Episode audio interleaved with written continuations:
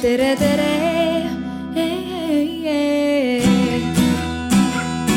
Eestimaa.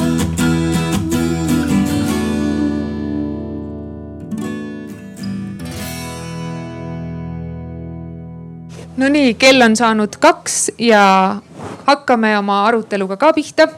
mina olen äh, Riigikogu Kantselei pressinõunik Kristi Sobak. Ja enne kui ma tutvustan teile meie esinejaid, siis äh, ma loodan, et keegi pealkirjast ei heitunud.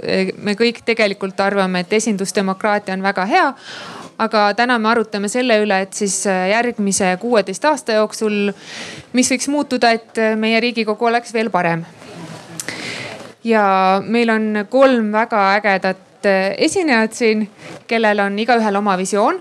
meil on Eiki Nestor, kõige staažikam riigikogu liige siiani, seitsme riigikogu koosseisus on ta olnud nii lihtliikme kui ka juhatuse esimehena, nii et tal on väga põhjalik kogemus. siis on meil Külli Taro, kes on riigikogu uurinud äh, pigem teadlasena Äh, tal on isegi doktorikraad selles põhimõtteliselt ja samas tema esimene töökoht oli kunagi kooli kõrvalt ka Riigikogu Kantseleis. ta oli põhiseaduskomisjoni konsultant, nii et natuke on seestpoolt ka neid asju näinud. ja lõpuks on Urmas Jaagant, kes on väga äge Postimehe poliitikaajakirjanik. ma loodan, et te kõik olete tema analüüse lugenud. tema siis vaatab Riigikogu sellise valvekoera eh, neljanda võimu positsioonilt, et mis, mis võiks olla paremini ja tänane arutelu formaat on siis selline, et kõigepealt nad hästi lühidalt võtavad kokku, mis, mis siis on need kohad Riigikogu juures, Riigikogu töö juures, mis võiksid olla paremini, mis võiksid kuueteistkümne aasta jooksul kindlasti muutuda. ja siis me tahame teiega korraldada väikese hääletuse, et meil on sellised hästi lahedad LED-tulbad siin. ja kui teil on, ma loodan, nutitelefonid, siis siis äh, selline aadress nagu worksupp.com võite juba lahti võtta, seal on kirjas ka, kuidas see täpselt kirjutatakse. ja seal tuleb panna ürituse idee sisse ja kirjutada sinna Riigikogu ja siis saabki hakata hääletama. nii, aga nüüd äh, lõpus me vaatame üle, kas pärast seda pikka arutelu, kui me võtame lähemalt lahti kõik need nägemused, kas teie arvamus muutub ja siis hääletame uuesti. Aga praegu olge siis valmis, worksupp.com ja ID Riigikogu. ja annan sõna nüüd Eiki Nestorile, kes ütleb, mis, mis tema meelest võiks paremini olla. tere, jõudu. mu sissejuhatuseks kaks märkust. esimene on see, et kaks tuhat kolmkümmend viis on kuueteist aasta pärast. see on neljad riigikogu valimised, see on kohe. see siin nagu ka juba, kui on vaja põhiseadust muuta, võtab see teatud aja, nii et tegelikult on see kohe. ja teine märkus on veel lihtsam, et äh, esindusdemokraatia saatus ja olevik ja tulevik ei ole Eesti teema, see on ülemaailmne teema kõigis neis demokraatlikes riikides. ja ma pean ütlema, et oma kunagiste kolleegidega viie aasta jooksul sellel teemal vestelnud, siis mõni üksik äh, haakus, et suurem osa vaatas mind kui inimest, kes räägib millestki, mis ei ole oluline aga mu elu ja sissejuhatuse tegi lihtsamaks ajakirjanik, kes eilses Eesti Päevalehes, mul ei olnud ta nimi meeles, see ei ole Eesti ajakirjanik äh,. avaldati üks lugu, kus on kaks väga õiget sõna, et esindusdemokraatia probleem on selles, et meil on analoogdemokraatia ja digitaaltehnoloogia. Ja selle vastuolu kuidas muuta ka demokraatia digitaalseks või kaasajastada Äh, see ongi tegelikult see küsimus, millele tuleb vastus leida, kui me räägime esindusdemokraatia tulevikust. kõige lihtsam ja populistlikum ja lollim oleks öelda, et milles küsimus, digiajastul otsedemokraatiat ja paneme. Äh, see, mul ei oleks ka selle vastu midagi, aga see oleks õige sellisel juhul, kui äh, internet oleks meid teinud kõiki targemaks nüüd, kus me oleme selle eluga harjunud, me oleme saanud aru, et see ei ole nii. et äh, peale selle, et osad inimesed on saanud targemaks ja rohkem informatsiooni, on, no kes oleks ennem internetti uskunud, et keegi arvab, et maa on lame. noh nüüd tuleb välja, et on lame ja, ja inimesed leiavad sellest infoväljast endale sobilikke asju ehk teisisõnu otsedemokraatia puhul on kõige suurem alatus esitada inimestele küsimusi, millele nad ei tea vastust. ja see on alttõmbamine. kui me räägime referendumist teemal astume Euroopa Liitu või ei astu, siis see on küsimus, millest saadakse aru. ja kui me hakkame lootma, et me suudame seal keerukamaid küsimusi esitada, siis inimeste võime, aeg, soov kõike, kõigest aru saada muutub nonsensiks. tüüpiline näide on, andke mulle andeks, Brexit, mis on brittide sajandi lollus. ja lahendus kaks tuhat kolmkümmend viis esindusdemokraatiat digitaalseks muuta, minu meelest on ainult üks. parlament peab olema avatud. ehk teisisõnu, kõik see, mis seal tehakse, arutatakse, kõik see peab toimuma ühiskonna ja parlamendi koostöös ja e, siin leida uusi lahendusi oleme püüdnud Eestis, tean teistes riikides on asi isegi õnnetum, isegi väga paljudes. ja kahe tuhande kolmekümne viiendal aastal on Eestil esindusdemokraatia parlament, kes suhtleb äh, valijatega mitte üks kord nelja aasta jooksul, vaid tegelikult iga päev. ma ei tea, jäin nüüd kolme minuti sisse või? No, no. enam-vähem, aga annaks siis järgmiseks sõna Küllile. ja ma jätkan siit seda Eiki mõttest, et miks üldse esindusdemokraatia, et tegelikult on ju kaks no tegelikult on rohkem alternatiive, aga peamised alternatiivid on otsedemokraatia. aga juba nagu Eiki välja ütles, siis äh, need küsimused on tihtipeale nii keerukad, et need ei ole võimalik lahendada selliselt, et ma kodus supi keetmise kõrvalt oskan kohe öelda, mis on õige vastus. Nende teemadega ennast kurssi viimine, see on töö ja teiseks, teine võimalus on ju tegelikult, et meil on lihtsalt üks tarkade kogu, kes eh, tellib analüüse, teeb analüüse ja, ja siis otsustab. aga häda on selles, et väga paljud ühiskonna küsimused on sedalaadi, kus ei ole õiget ja valet vastust, kus ei ole õiget ja valet otsust klassikalised väärtuskonfliktid, väärtusotsused, eh, olgu see siis eh, ettevõtluspiirangutest, kus tuleb otsustada, et mil määral piirata ettevõtlust selleks, et kaitsta inimeste tervist või keskkonda. või olgu see siis noh, tõenäoliselt üks teema, mis Eestis on üsna varsti ees, et 5G eh, ja inimeste tervis. et kas ja kuivõrd me, me lubame üles ehitada 5G võrke selleks, et eh, lubada endale asjade internetti, isesõitvaid autosid eh, teadmata, mis on tegelikult täpne mõju tervisele siis sellisel raadiosagedusel ja, ja mis, mis ajahetkel me siis selliseid 5G võrkude ehitamist lubame. et seal on väga palju väärtusotsuseid ja seda ei ole võimalik teha skaalal õige-vale ehk siis miks esindusdemokraatia, mitte lihtsalt puhas tarkade kogu või, või otsedemokraatia. ja teine teema selleks, et esindusdemokraatia toimiks äh,. parlamentarismi tuumaks on arutelu, esinduslikkus ja vastutus ehk need inimesed, kes on parlamendis, peavad olema valmis aruteluks, ka oma seisukohtade muutmiseks tegelikult. see parlament peab olema esinduslik igas mõttes, nii teadmiste mõttes, elukogemuse mõttes, maailmavaate mõttes. ja ta peab vastutama oma tegude eest, ehk see ongi siis tagasivalimise teema. ja minu mure vaadates Eesti ühiskonda on see, et ähm, selleks, et parlamentarism toimiks, peab parlamendiliikme amet olema väärikas ja atraktiivne.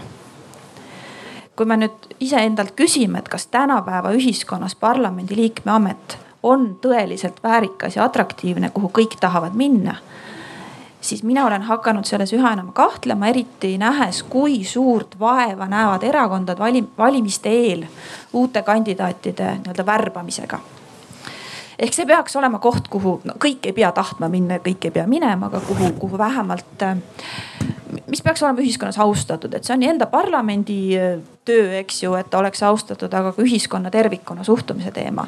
ja ma arvan, et see debatt, mis, mis tuleks lähitulevikus läbida, on see, et mida teha selleks, et parlamendi töö oleks äh, väärikas ja atraktiivne. Et me kõik tahaksime sinna minna, et me kõik tahaksime oma, oma elust äh, selle, selle panuse parlamenti anda no nii, Urmas ja mida arvab ajakirjandus sellest? no minu vaade on natuke haakub nende mõlemaga, aga on võib-olla selle nurga pealt veidi pragmaatilisem ja võib-olla natuke ka ametist tulenevalt omakasupüüdlikum, mis, aga mis tegelikult on hea, et milleni me võib-olla jõuame, et see on kasulik ka parlamendile endale, see on äh, suurem avatus äh, ja suurem läbipaistvus.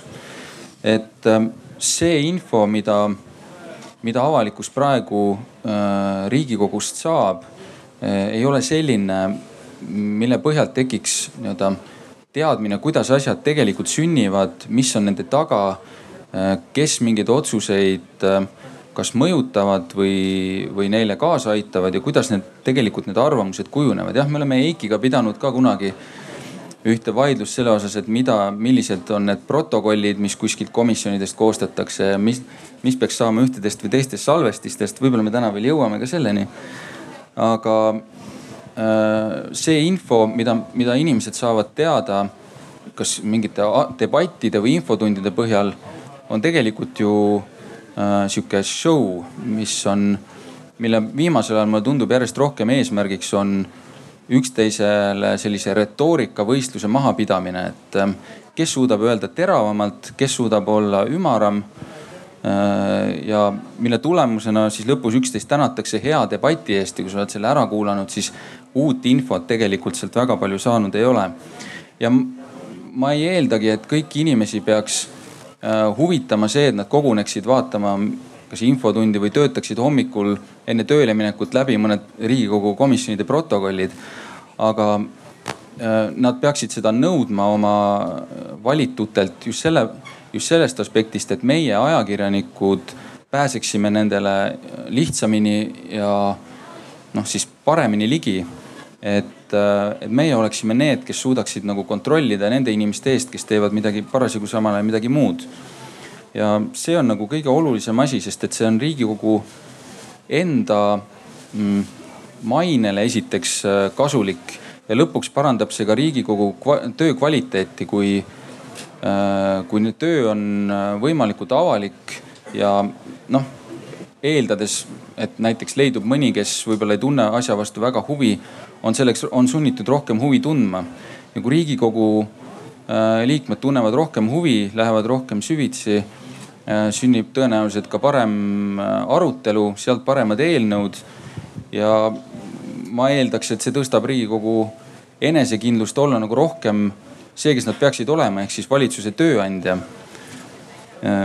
ja selle tulemusena võib-olla nad jõuaksid ühel hetkel ka selleni, et neil on enesekindlust tegeleda natukene ka iseendaga ehk siis tagada see, et nende töötasu näiteks oleks vastavuses, ma ei kujutagi ette, mis see kaks tuhat kolmkümmend viis, kui see, kui läheb praegu nii edasi.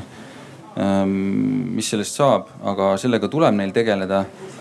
ja kui see enesekindlus on olemas, et nende töö päriselt vastab sellele tasule, mis nad selle eest saavad, siis ma leian kokkuvõttes on see lõpptulemus parem, nii et avatus ja läbipaistvus ringiga parandab kindlasti ka Riigikogu enda töö kvaliteeti, oleks minu selline kokkuvõte aitäh ja katsetame nüüd selle vorksupiga, ma loodan, et teil kõigil on on ees see, aga kes tahab, võib ka lihtsalt käega näidata.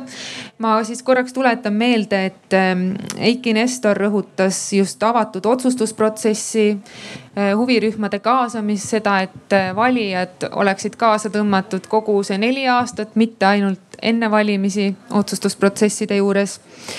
Äh, Külli Taro tõi välja, et kindlasti peaks riigikogu liikme töö maine tõusma, et sinna tuleksid, tuleks väärikad inimesed ja kes võtaksid ka vastutust oma töö eest ja Urmas äh, Jaagant siis arvas, et kõige tähtsam on veel suurem avatus ja läbipaistvus riigikogu töö juures, et komisjonide istungid oleksid täiesti avatud ja, ja oleks äh, täiesti selge, et kust sünnivad otsused ja kelle mõjul. niisiis, kui te olete valmis, siis äh, seal workshop'is ongi lihtsalt nimed, valite selle, mis ideed tundusid teie omadega võib-olla kõige rohkem klappivat ja siis äh, ma annan teile minuti aega selleks. Ja siis loodetavasti me näeme nende postide peal, et kes meil kõige populaarsem oli aga senikaua, kui olete juba hääletanud ja kui keegi tunneb, et äh, oli, on mingid olulised teemad, mis tegelikult meie panelistide poolt jäid tõstatamata äkki mingid, äh, mingid probleemid, mis äh, on suuremad kui need, mis mainiti, et siis võite praegu käega märku anda, et me saame nendest ka rääkida. nii tundub, et ei, üks, nii tundub, et seal on. kohe saad, saate mikrofoni seal telgis ja hästi, vabandust, palun rääkige mikrofoni ja hästi lühidalt, maksimum minut. valimissüsteem on partokraatlik. mitu mitteparteilast on riigikogus? sellel ja eelmises koosseisus mitte ühtegi. see on partokraatlik valimissüsteem ja sellest ei teki demokraatiat. Selge, viga on valimissüsteemis teie arust? võib vastata eh, aga... Äh, mind valiti Riigikokku esimest korda aastal tuhat üheksasada üheksakümmend kaks. ma olin siis veendunud äh, ametiühingu tegelane ja leidsin, et ma pean olema ka parteitu ja kui ma olin seal kaks aastat olnud, ma sain aru, et kui ma tahan ka midagi ära teha, siis on mõistlik kuuluda erakonda. nii et see on üks osa demokraatiast me võime parteisi armastada, võime vihata, aga see, et samamoodi mõtlevad inimesed kogunevad mittetulundusühingusse nimega erakond, on mõistlik. nii, ma näen, et seal on üks, üks inimene tahab veel lisada. samal ajal saate vaadata siis ja Liia Hänni E-riigi Akadeemia. Äh, mind ärgitas sõna võtma Eiki märkus kohe alguses, et äh, kogu see digi, digipool on ka väga-väga oluline ja ongi väga oluline. ja Külli sõnavõtust äh, noppisin välja esinduslikkus. nüüd selles digiühiskonnas esinduslikkuse saamine on probleem ja ma tahaksin, et te siin natuke seda teemat arutaksite, kas see, mida me nägime Ameerikas, kus valijaid manipuleeritakse läbi, läbi sotsiaalmeedia, kas te näete selles ohtu Eestile? ja kui te näete ohtu, siis mida peaks Eesti juba praegu ette võtma, et neid ohte vältida? aitäh. ma, seesama ajakirjanik, kes Päevalehes eile selle loo kirjutas Brit, inglise nimi oli tal vähemalt, ma ei tea, mis riigist see ajakirjanik pärit on. Tema ütles, et minusugused vabamõtlejad loevad seda nii-öelda analoogdemokraatia kriisi interneti süüks. mina ei loe seda süüks, küll aga loen mingit pidi tagajärjeks, et demokraatia ei ole suutnud minna info küllase ühiskonnaga sama jalga. ja siin ma näen kahte probleemi, üks on siis lamemaal, lamemaalaste efekt, et sama kiiresti kui tarkused levivad ka lollused. ja inimesel puudub võimalus nagu vahet teha, ta pigem võtab selle, mis on talle, no vaatame siin ringi, no ei ole ümmargune, eks ju, noh seesama maakera. ja teine on info hulk, mis saabub. et tal ongi aega ainult lugeda pealkirju ja kui ta loeb ainult pealkirju, siis minna sisusse on võimatu. nii et see on minu meelest need näitajad, mis räägivad tulevikus nagu selle loogiliselt arendatava otsedemokraatia võimaluste suurenemise vastu. et, et see, see teeb need ohud, et mul on endal olnud sellel suvel kolm korda juhus, kus ma olen lugenud oma erakonnakaaslase uudist, lugenud pealkirja, ehmatanud ära, lugenud läbi uudise ja saanud aru, et inimene rääkis väga mõistlikku juttu, aga pealkiri oli midagi muud. Need, kes loevad ainult pealkirju need loevadki ainult pealkirju. võtame Külli kommentaari ja, ka ja. ma mainisin siin enne, et üks parlamentarismi alut, aru, alustala on arutelu, see tähendab seda, et sa tuled ühte ruumi kokku erinevalt mõtlevate inimestega ja arutad. sa pead olema valmis äh, kuulama ka infot, mis ei lähe kokku sinu maailmavaatega või sinu veendumustega. digimaailma häda on see, et digimaailm võimaldab ennast ära lõigata, võima-, võimaldab kogu oma elu elada arutelud arutelu korraldada ainult enda selles veendumusruumis. me oleme kõik ühes Facebooki grupis ja kõik arvame ühtemoodi ja kõik arutame omavahel. parlamentarismi mõte ongi see, et inimesed tulevad kokku, arutavad ja siis leiavad mingisuguse kompromissi otsuse et see on see, miks, miks just esindusdemokraatia on põhimõtteliselt erinev, ütleme siis sellest otsedemokraatiast, kus, kus inimesed võivadki seal oma lamemaalaste grupis olla ja, ja kõik omavahel samamoodi arvata. Aga mina ei näe praegu, et, et meie äh, saadikutel, no ma ei mõtle nüüd konkreetset koosseisu, vaid üleüldse järjest rohkem on puudu enesekindlusest, et, et olla nii-öelda see, see kogu, kes on, ajab oma sellist arutelukultuuri erinevalt.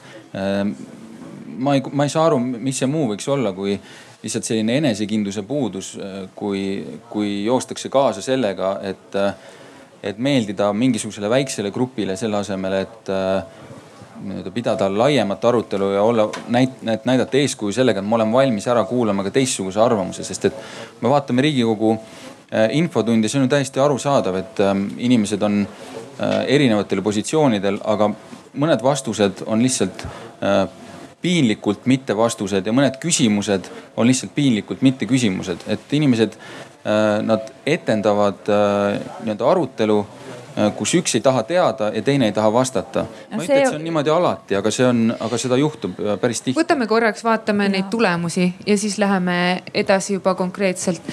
et ühesõnaga A on siis Eiki Nestor.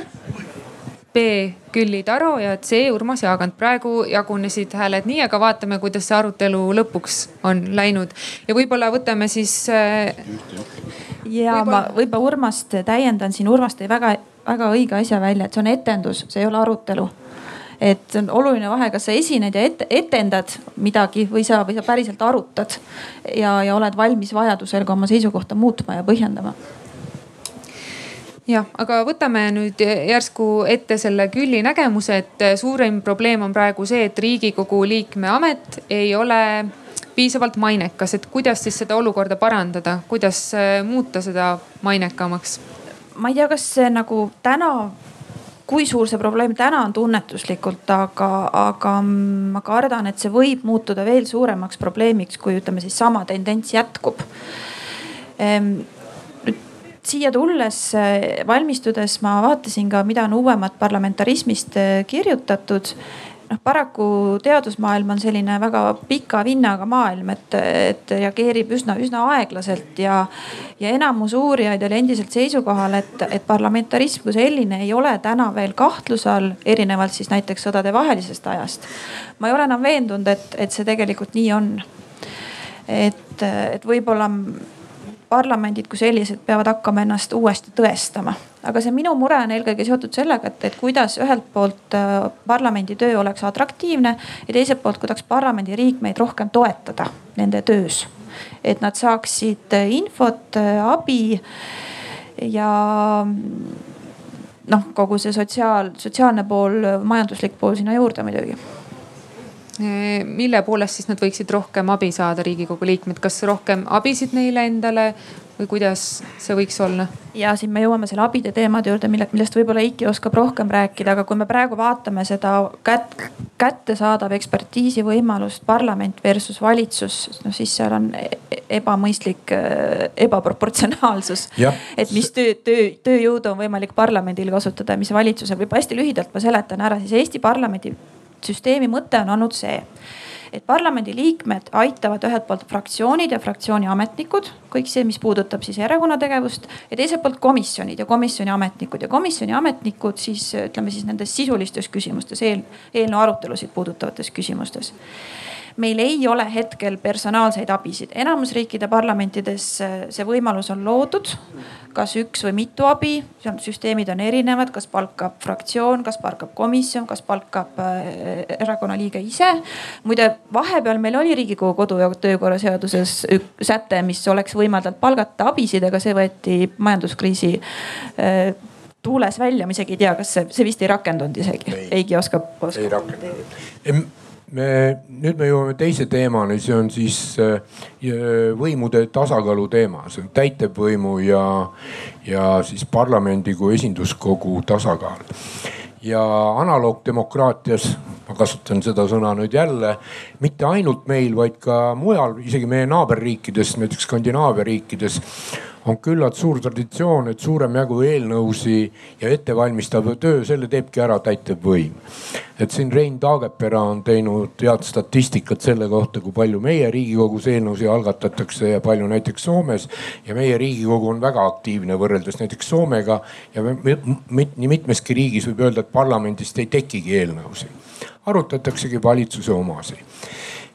see on nüüd uues digimaailmas minu meelest absurd, see ei saa nii jätkuda ja, ja siinkohal oleks normaalne, kui no ma toon nüüd nihukese unistuse näite, võib-olla kaks tuhat kolmkümmend viis see täitub. näiteks kui parlamendikomisjon otsib endale rahanduskomisjoni sekretariaadi juhti ja selle konkursi võidab rahandusministeeriumi kantsler, kellele on suur au jõuda sellele kohale. Vot see oleks minu meelest normaalne jõudude vahekord, sest ei ole mõtet isegi meist suuremas riigis ehitada kak, kahte ametnike masinavärki sama suurt parlamendil ja täitevvõimul mõlemal, eks ju see suurem osa nii-öelda analüüsivast ja mustast tööst tehakse niikuinii ära ministeeriumides. aga teadmiste tase, oskuste tase, see peab olema parlamendis kindlasti selline, et, et täitevvõim vaatab ta peale alt ülesse. täna me oleme olukorras häbiga tunnistan. õiguskantsler saadab riigikogule parlamendi slängis roosa paberi. see on siis dokument, millega ta ütleb, et üks või teine paragrahv seaduses ei vasta tema meelest põhiseadusele. Parlament arutab ja täiskogu otsustab, et õiguskantsleril on õigus. ja seejärel komisjon ootab täitevvõimult eelnõud, ootab ootab, ootab ja valitakse uus koosseis ja ikka ootab. vot sellist olukorda ei saa olla sest täna äh, sageli, kusjuures küsimus on võib-olla kahtepidi, et poliitilist lahendust otsitakse antud, antud küsimusele, aga sageli isegi mitte poliitilist, vaid puht sisu mõttes ei ole parlament võimeline seda eelnõu välja töötama. vot sellist olukorda olla ei saa no kõige paremini iseloomustab seda, see, mida mina tajun, et, et praegu on meil igasuguste eelnõudega äh, nii, niipidi, et kui need jõuavad valitsusest äh, Riigikokku äh,, siis on üleüldine ootus, et need saavad vastu võetud täpselt nii, nagu nad sealt tulid. võib-olla nipet-näpet kuskil muudetakse aga üldiselt nad lähevad niimoodi ja, ja kui, kui hakatakse midagi muutma suuremalt, siis see tekitab suurt imestust ja segadust ja noh, tuleb tunnistada, et ka ajaleheartikleid, et nüüd, nüüd ei läinudki nii, nagu algselt oli plaanitud. Ehm, tegelikult peaks, mina leiaks, et see peaks olema pigem niipidi, et valitsus on oma parimal tasemel pannud kokku eelnõu, saadab selle riigikogu poole ja hingevärinal ootab, et kas selle, kas see läheb läbi, mis seal kõik nagu tehakse ja kuidas see nagu saab lõplikult valmis, et äh, praegu tegelikult oodatakse tõesti riigikogult ju rohkem nagu pakendamist, et, äh, et seotakse lips peale ja läheb käiku siin mõni aeg tagasi ähm, käis ka meediast läbi üks juhtum, kus riigikogu liige selleks, et teostada oma mandaati, oli tellinud eelnõu advokaadibüroost. see olukord ei ole normaalne. Kui riigikogu liikmel on vaja eelnõu siis ta peab selle saama riigikogust. sest mis on teine probleem, on nüüd see, et kui eelnõu tuleb advokaadibüroost, siis me kunagi ei tea, mis huvid on seal taga ja see, me jõuame siin avatuse juurde nüüd, eks ju, et, et, et parlamendi mõte on ka see, et kõigil, ka parlamendi liikmetel on huvid neil on perekonnad, neil on seosed, neil on veendumused, aga see on avatud, me teame seda, mis on nende huvid ja, ja kes mis otsuse tegid, kes kuidas hääletas. aga kui eelnõud hakkavad tulema kuskilt kõrvalt, siis see on ohtlik. kas vahepeal on tekkinud äh, sel teemal ka publikus soovi kommentaare, küsimusi esitada? nii, sinna oleks mikrofoni tarvis. Ja, et mul oleks mõnes mõttes sellesama huvide teemal küsimus, et äh, kui, äh, kas te ei arva, et probleem võib olla seal, et kui meil on äh, erakondade rahastus, nii nagu ta praegu on ja meil on suured lobigrupid, siis mõnes mõttes meil võib olla äh, rahavõim, mitte niivõrd nagu inimeste võim. mõnes mõttes see huvi kandub nagu nende, nendele, kellel on raha? kui ma võin vastata, siis ega, ega huvid on ju kõigil olemas, seda, seda ei saa ju kuidagi nagu vältida, sest et seadused puudutavad mingeid gruppe, ühte, ühtedele nad meeldivad rohkem, teistele vähem. ja see on täiesti loomulik, et, et ütleme, parlamendis inimesed ei saa teada kõigest kõike ja huvigrupid on need, kes teavad vähem, vähemalt osast sellest asjast väga palju. ja riigikokku peabki jõudma kokku see info nii ühelt poolt kui teiselt poolt.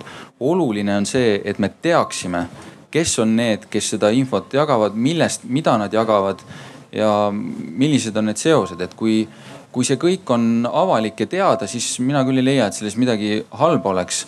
et meil on isegi mõningaid äh, üsna tuntuid äh, lobiste, kes täiesti avalikult räägivad sellest, et jah, nende töö ongi lobi teha, sest et minul, mulle tundub, et natuke hakkab muutuma see, et, et see on midagi sellist hämarat ja mida aetakse pigem siis, kui päike on loojunud, et kuskil käiakse mööda nurgataguseid rääkimas mingeid kuskil kohviku pimedates nurkades, et Äh, selles mõttes on huvitav, et, et nad ise ehk siis need lobitegijad sellest juba räägivad, aga riigikogu ei taha sellest kuidagi rääkida. et te võite proovida välja võtta, küsida nimekirju, kes on kellega kohtunud ja kuskil käinud, teile öeldakse, et see ruuduline kaustik ei, on kahjuks selline, mida ei saa avalikkusega jagada, nii et äh, minul ei ole selle vastu mitte midagi, kui on inimesed, kes esindavad kellegi huvisid, aga mina tahan teada, kes need on ja keda nad esindavad. ma võib-olla natukene selle avatuse teemat seletan lahti, kui tohin.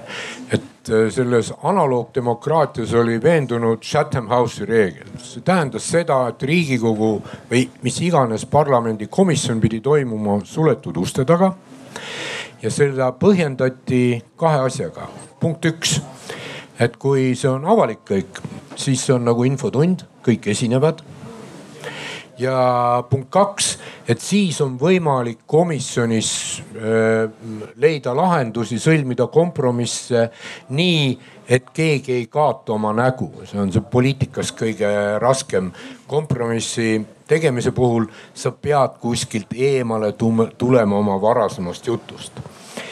nüüd tänapäeva äh, infoküllases äh, ühiskonnas see enam ei tööta et äh, kui vanasti tulid targad komisjonist välja, ütlesid, asi on nüüd nii ja kokku lepitud, siis tänapäeval nad lähevad uksest sisse ja me juba kõik teame, mis nad arvavad ja, ja selles mõttes selline suletuse, äh, see, selle järgi ootamine on nagu jabur lihtsalt. Äh, riigikogu nüüd viimane koosseis peale pikki vaidlusi, kuidas seda teha, jõudis sinnamaani, et kõik huvirühmad, kes olid nagu eelnõu loomisesse ennem kaasatud, need kutsuti komisjoni istungile või vähemalt küsiti kirjalikult nende arvamust eelnõu kohta. Mõned käisid, mõned ei käinud, mõned vastasid, mõned ei vastanud, aga vähemalt see suhtlus, avatus oli suurem ja mis on nagu miinuspool, et ma ka ei kiidaks seda riigikogu nii väga, on see, et see sõltus väga palju komisjonist. näiteks sõltus, sõltub ka täna kodukorraseaduse järgi komisjoni esimehest. kui tema on avatud persoon siis see kõik töötab. kui tema nagu mõtleb, ah mis need huvirühmad siia tulevad oma lobi tegema, miks ma pean neid kõiki kuulama, siis ta ei ei kutsugi neid või, või väldib seda olukorda. tegelikult ei maksa neid karta, just huvirühmi ei maksa karta. las nad ütlevad oma arvamuse. aga mis puudutab äh, rahaseost, noormehe küsimust, siis minu meelest Eesti on teinud ühe ebapopulaarse otsuse, mis on õige ja tänu millele ma küll usun, et raha mõju Eesti poliitikale on oluliselt väiksem. mitte ainult äh, noh meie kogemuse pagasiga demokraatiates, vaid isegi raha mõju on väiksem kui paljudes pikemaajalistes demokraatiates ja see on väga lihtne, see on riigieelarve toetus erakondadele. ilma selleta ma olen, näen riike, kus seda ei ole ja ma näen kasvõi vabandagu mind kõik minu sõbrad, ma olen Ukraina fänn, aga seal läheb ikka tüki aega ennem kui kuskilt pidi raha mõju poliitikale muutub noh kuidagi talutavaks või väikeseks, et nulli ta ei lähe kunagi aga ka meil see raha mõju kahtlemata on olemas, me ei saa seda eitada ja siin on äh, Urmase ja tema kolleegide töö äärmiselt oluline. aga Eiki, sa tõid, sa tõid välja väga hea tendentsi riigikogu töös tõesti, et et huvigruppide esindajad kutsutakse uuesti komisjoni oma seisukohti esindama, aga kutsutaksegi just varasemalt juba kaasatud huvigruppide esindajad et need, kes on ka juba valitsuse tasandil välja jäänud, siis need ei jõua tihtipeale ka riigikogusse, sest nad lihtsalt ei saagi teada, et mingisugune, mingisugune uus algatus on kuskil riigikogu komisjonides töös. ja ma ise kui ma riigikogus töötasin, siis oli too aeg, kui komisjoni istungid olid selgelt kinnised. ja ja ma olin tollal veendunud, et see on ainuõige võimalus, võimalus, sest et sisulised arutelud olid komisjonis. ja ma ei kujuta ette, et need inimesed oleksid nagu seda juttu rääkinud siis, kui need oleksid avalikud olnud. aga vestlus oli aus vähemalt. aga nüüd tänapäeval tõesti see, see ühiskond ja see ühiskondlik tunnetus on nii muutunud, et et, et ma olen nagu sama meelt, et, et ka komisjonide töö peaks olema avalik, mitte seda, et nüüd äh, sa võid sinna kohale minna, sest et äh, ruumid ei ole kummist. aga põhimõtteliselt kõik materjalid äh, ja, ja kõik arutelud protokollid peavad olema avalikud ja võimalikult kiiresti, sest tihtipeale juhtub ka see, et tehakse küll väga põhjalik protokoll, aga see protokoll jõuab avalikkuse ette liiga hilja. ma, võib, ma toon ühe näite, positiivse näite mäletate veel kunagi aastaid tagasi oli Eestis äh, ajakirjandus igal pool teema number üks, et riik hakkas nõudma kõigi arvete deklareerimist maksuametis, mis olid suuremad kui tuhat, tuhat eurot. ja see eelnõu tuli niimoodi äh, teatud huvirühmadega läbiräägituna valitsuse poolt Riigikokku ja siis tuli meeletu avalikkuse surve. ja lõppkokkuvõttes me istusime Riigikogu, see on nüüd see uuem suur saal seal kõik koos, minu meelest mina rahanduskomisjoni liikmena ja neid huvirühmi, kes siis kõik tulid oma juttu rääkima, oli üle kahekümne seal minu meelest ja kõik said midagi öelda. seadus võeti vastu kõik. seda teemat ei ole enam, seda probleemi ei ole enam. ühesõnaga, see on nagu tüüpnäide sellest, et mida rohkem sa äh, arutad koos valijatega sisuliselt, need, need meie poolt valitud esindajad arutavad neid valinutega teemat, mida rohkem nad arutavad, seda parem tuleb tegelikult tulemus. kas ei ole mitte üks nendest näidetest, kus tegelikult eelnõu päris oluliselt muutus võrreldes algse versiooniga ja, ja mina veendunud selles, et Riigikogu teeb head tööd. ma võin öelda, et väga palju näiteid on selliseid, kus eelnõud väga põhimõtteliselt muutuvad Riigikogu menetluse käigus. kuigi nad on valitsuses kõik vajalikud kooskõlastusringid ja analüüsid ja, ja, ja vilet läbinud no kindlasti nad muutuvad mingil määral, aga äh, mõnes mõttes on see paratamatu, et iga süsteem ju püüdleb nagu selle poole, et võimalikult vähe oleks ootamatusi ja, ja poliitiline süsteem seda enam, et äh, õudselt ebamugav on, kui, kui sind võib tabada mingisuguses komisjoni istungil mingi ootamatu sõnavõtt või kellegi ootamatu arvamus. alati on hea, kui sa neid ette tead ja ka noh, kõige parem on, kui ka tulemus on lõpuks ette teada, et. et iseenesest ei saa ühelegi süsteemile seda ju pahaks panna, see on nii-öelda ökonoomsem, et ta töötab paremini, aga, aga võib-olla just sellise parlamendi arutelu juures peaks natukene sundima sellist äh, sellist liikumist sellise mugava ettetead-, etteteadvuse poole nagu, nagu vähemaks. et, et ei oleks, et oleks seal natuke sees rohkem seda ootamatuse faktorit, et mis võib olla ebamugav, aga võib-olla teeb asjad kohati natukene ausamaks ja ka ehedamaks, mis, mis tegelikult on see, mis tõstab ka huvi, kust me jõuame jälle maine juurde ja nii edasi ma ütlen korraks vahele, et minu teada tegelikult need protokollid jõuavad hiljemalt nädala jooksul üles, mis on ju tegelikult üsna kiire aeg. Ja meil on ka veel üks äh, kommentaar publikust.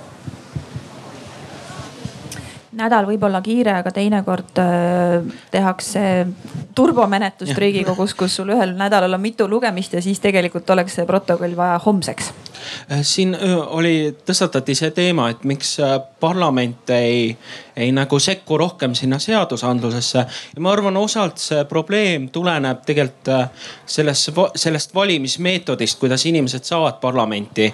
et praegu meil on see väga tugevalt seotud ikkagi äh, valimisnimekirjadega ja, ja osad saavad sinna rahva nagu ainult rahva häälte põhjal, aga liiga palju inimesi saab ikka veel nii-öelda, kus nad on valim-, selles äh, nii-öelda. ei, tegelikult saavad ikka kõik rahva häälte põhjal no, no ja, aga no mingi osa läheb ikkagi selle nimekirja alusel. kakskümmend, aga nad peavad mingi osa häältest saama, aga see ei ole puhtalt nagu rahva eelistuse põhjal. et see, see, see on. see ka... on ikka puhtalt rahva eelistuse põhjal. see ei ole, kas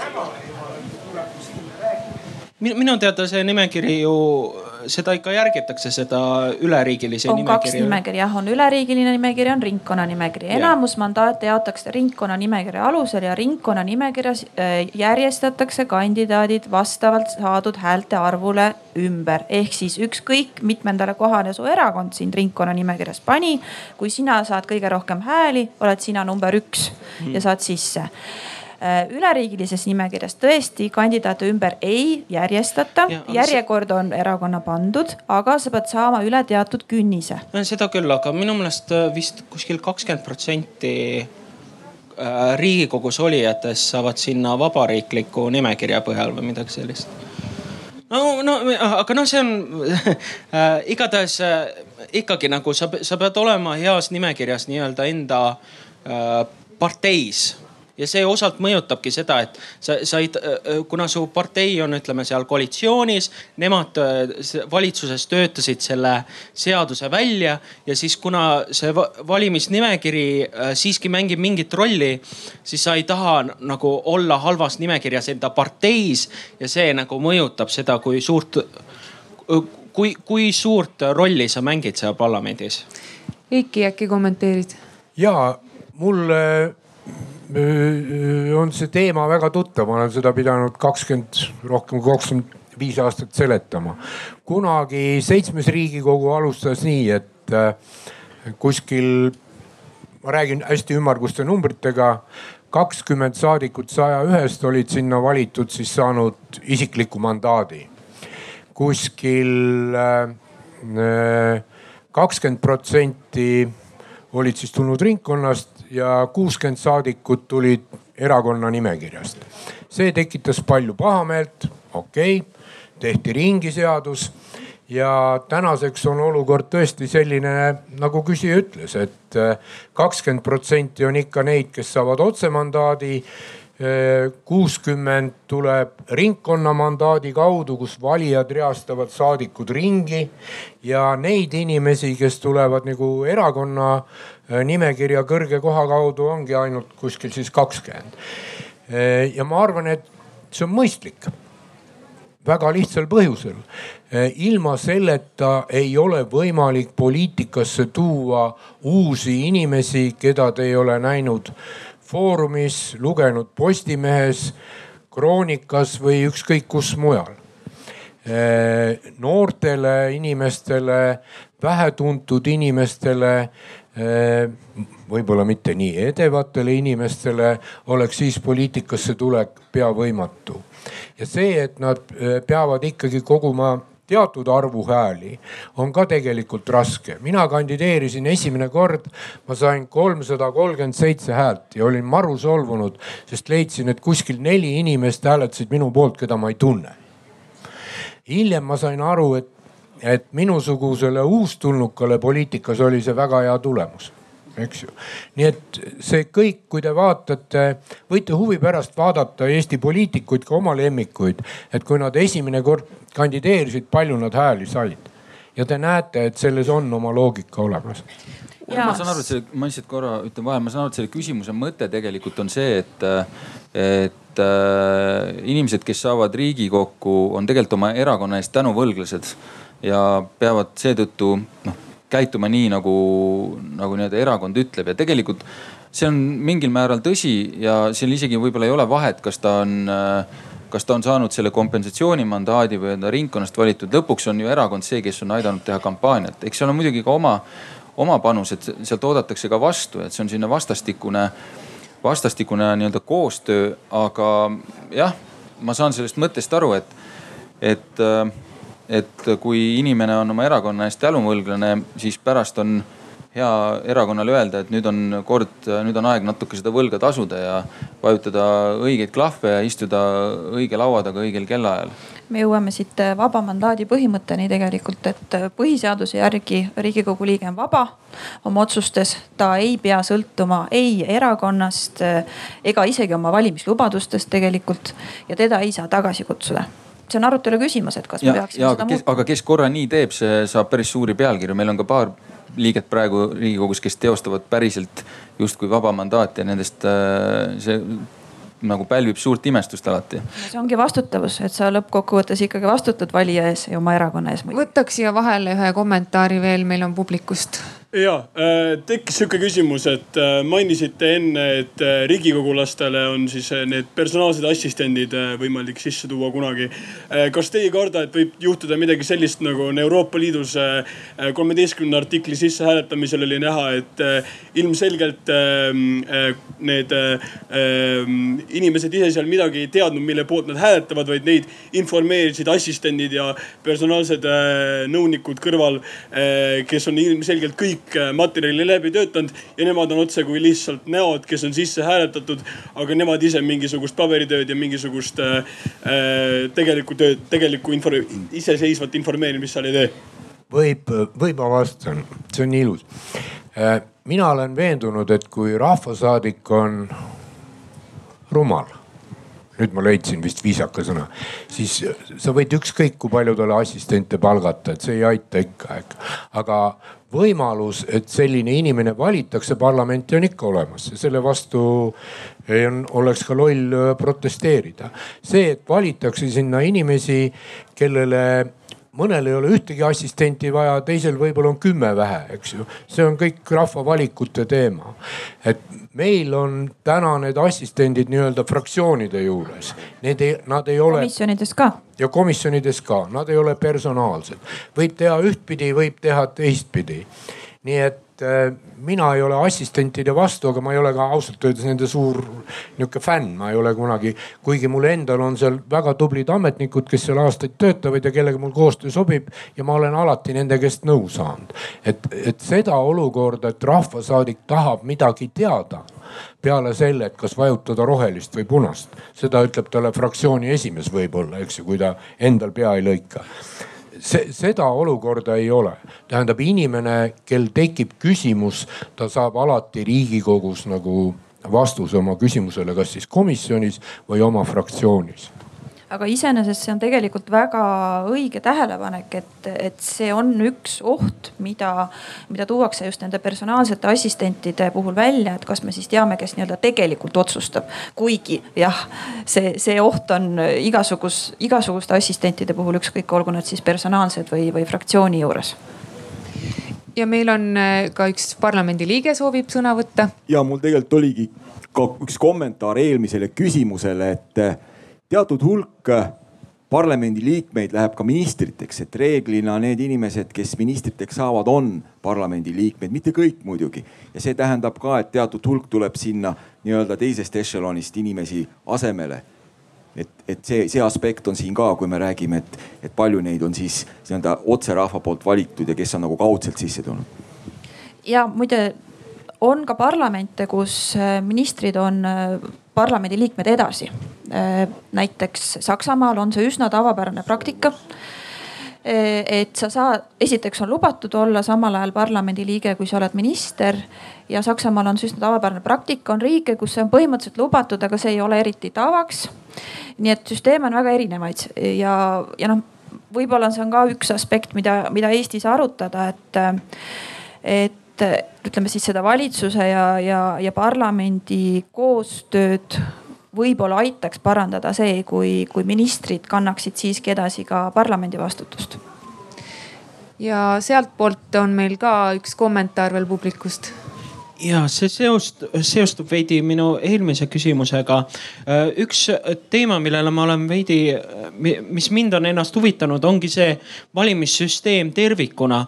et äh, on, on välja töötatud erinevaid süsteeme, näiteks Inglismaa on katsetanud, äh, kui ma ei eksi, sellel Euroopa Parlamendi valimistel sellist süsteemi, kus inimesed panevad nii-öelda top viie või top kümne, et see näiteks ringkonnas, kui, kui on viis mandaati, need lähevad jagamisele mitte nii-öelda äh, parteisiseste nimekirjade vahel või, või kasvõi noh, e, e, et need kohad ei jaotu parteisiseselt ära, vaid need jaotuvad ainult inimeste nii-öelda äh, top viisikute või top kümnete põhjal mida see süsteem soodustaks, oleks see, et näiteks üksikkandidaadid, neil oleks lihtsam äh, küllap saada mandaati, sest äh, inimesed ei pea kartma, et aa, kui, kui ta ei saa seda tuhandet häält kokku või kümmet tuhandet häält kokku, et siis ta ei saa parlamenti. et aa, ma, ma sellepärast ei hääleta teda, vaid nüüd valija saab näiteks panna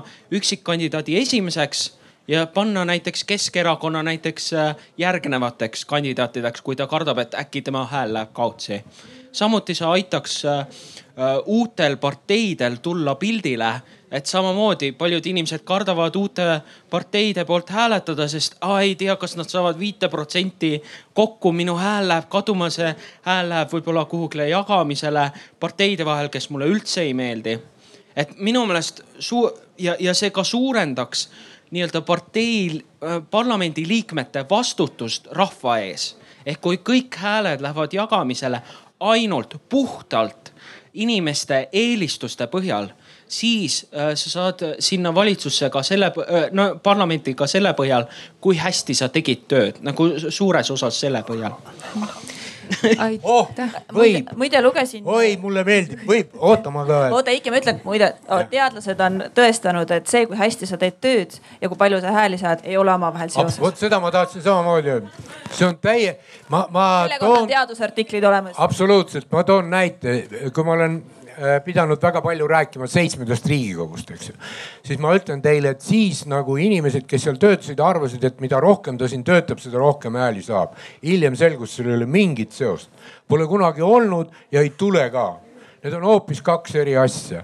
et Eesti riigikogu valimistel on mitmel korral fantastilise valimistulemuse saanud mees, kes ei olnud seal pärast nelja jooksul ühte, ühtegi päeva. Läks kohe linnapeaks no mingi, mingit seost ei olnud, mingit seost ei olnud. tähendab seda, see, mida inimesed hääletavad ja see hääletustulemus, see on muu. mis puudutab uusi erakondi, siis siin on tõesti, see on teema, mis vajab arutelu, et kas see künnis, mis meil on viis protsenti, kas see on mõistlikul suurusel või mitte, on riike, kus see on väiksem. nii et, aga mina ei ole näinud täna et see on Eestis probleem. minu meelest probleem on see, et uutel erakondadel ei ole sageli midagi uut öelda. ja vot siis, kui inimesed, kes lähevad valima, eh, näevad ainult, et ma valin nüüd eh, Mari ja Jüri vahel, aga nende jutt on samasugune. vot siis on raske uuel erakonnal ennast tõestada. isegi kui ta saab parlamendi sisse, siis ta kaob nelja aasta pärast ära, sellepärast valija ei saa aru mille poolest see erakond erineb mingist teisest. ja see äh, nagu uudsuse teema ja künnise teema on olemas. muuseas on ka täiesti demokraat, demokraatlikke suurepäraseid riike, kus valijad üldse hääletavad kinniseid nimekirju ainult erakonna nimekirju hääletavadki, ei saagi ühegi inimese poolt hääletada, vaid hääletavadki erakondi töötavad väga hästi, keegi ei pahanda. minu meelest, kui nüüd sõber Saarts noogutab, oli Eesti Vabariik täpselt samasugune riik kunagi kahekümnendatel aastatel kuni kolmekümne neljanda aastani ka hääletati kinniseid nimekirju, mitte ei antud häält samal ajal inimesele ja erakonnale siin tuleb natuke vahet teha sellel valimissüsteemil, ütleme siis endal ja, ja psühholoogilisel valimiskäitumisel. et ähm, kui tõepoolest ringkonna nimekirjas ei ole tehniliselt mingit tähtsust, mitmes sa seal oled. kõik sõltub sellest, palju sa hääli saad. siis kui inimesed hakkavad valima nimekirjast, siis nad ikka hakkavad algusest lugema ja, ja väga vähesed on need, kes võib-olla jõuavad sinna lõppu ja valivad kedagi seal lõpus seitsmendat või kaheksandat. ainult siis, kui sul on väga selge eelistus. enamasti, kui sa valid nimekirja, valid erakonda, valid ikka esimest või teist või kolmandat.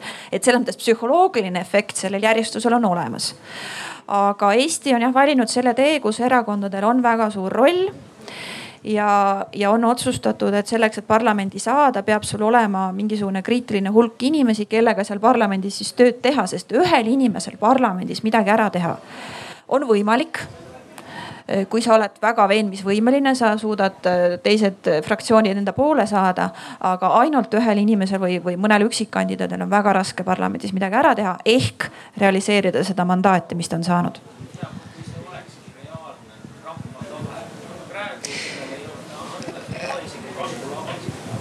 aga tegelikult üksikkandidaadid saavad väga, saa, ei saa nii palju hääli, et me saaksime nüüd öelda, et rahva tahe ei, ei avaldu. Paluks kommentaarid ka mikrofoni salvestuse huvides miks, miks ma selle süsteemi tõstatasin, ongi see, et kui sa räägid inimestega, siis tihti hirm, mis tuuakse välja, on see, et minu hääl läheb kaduma.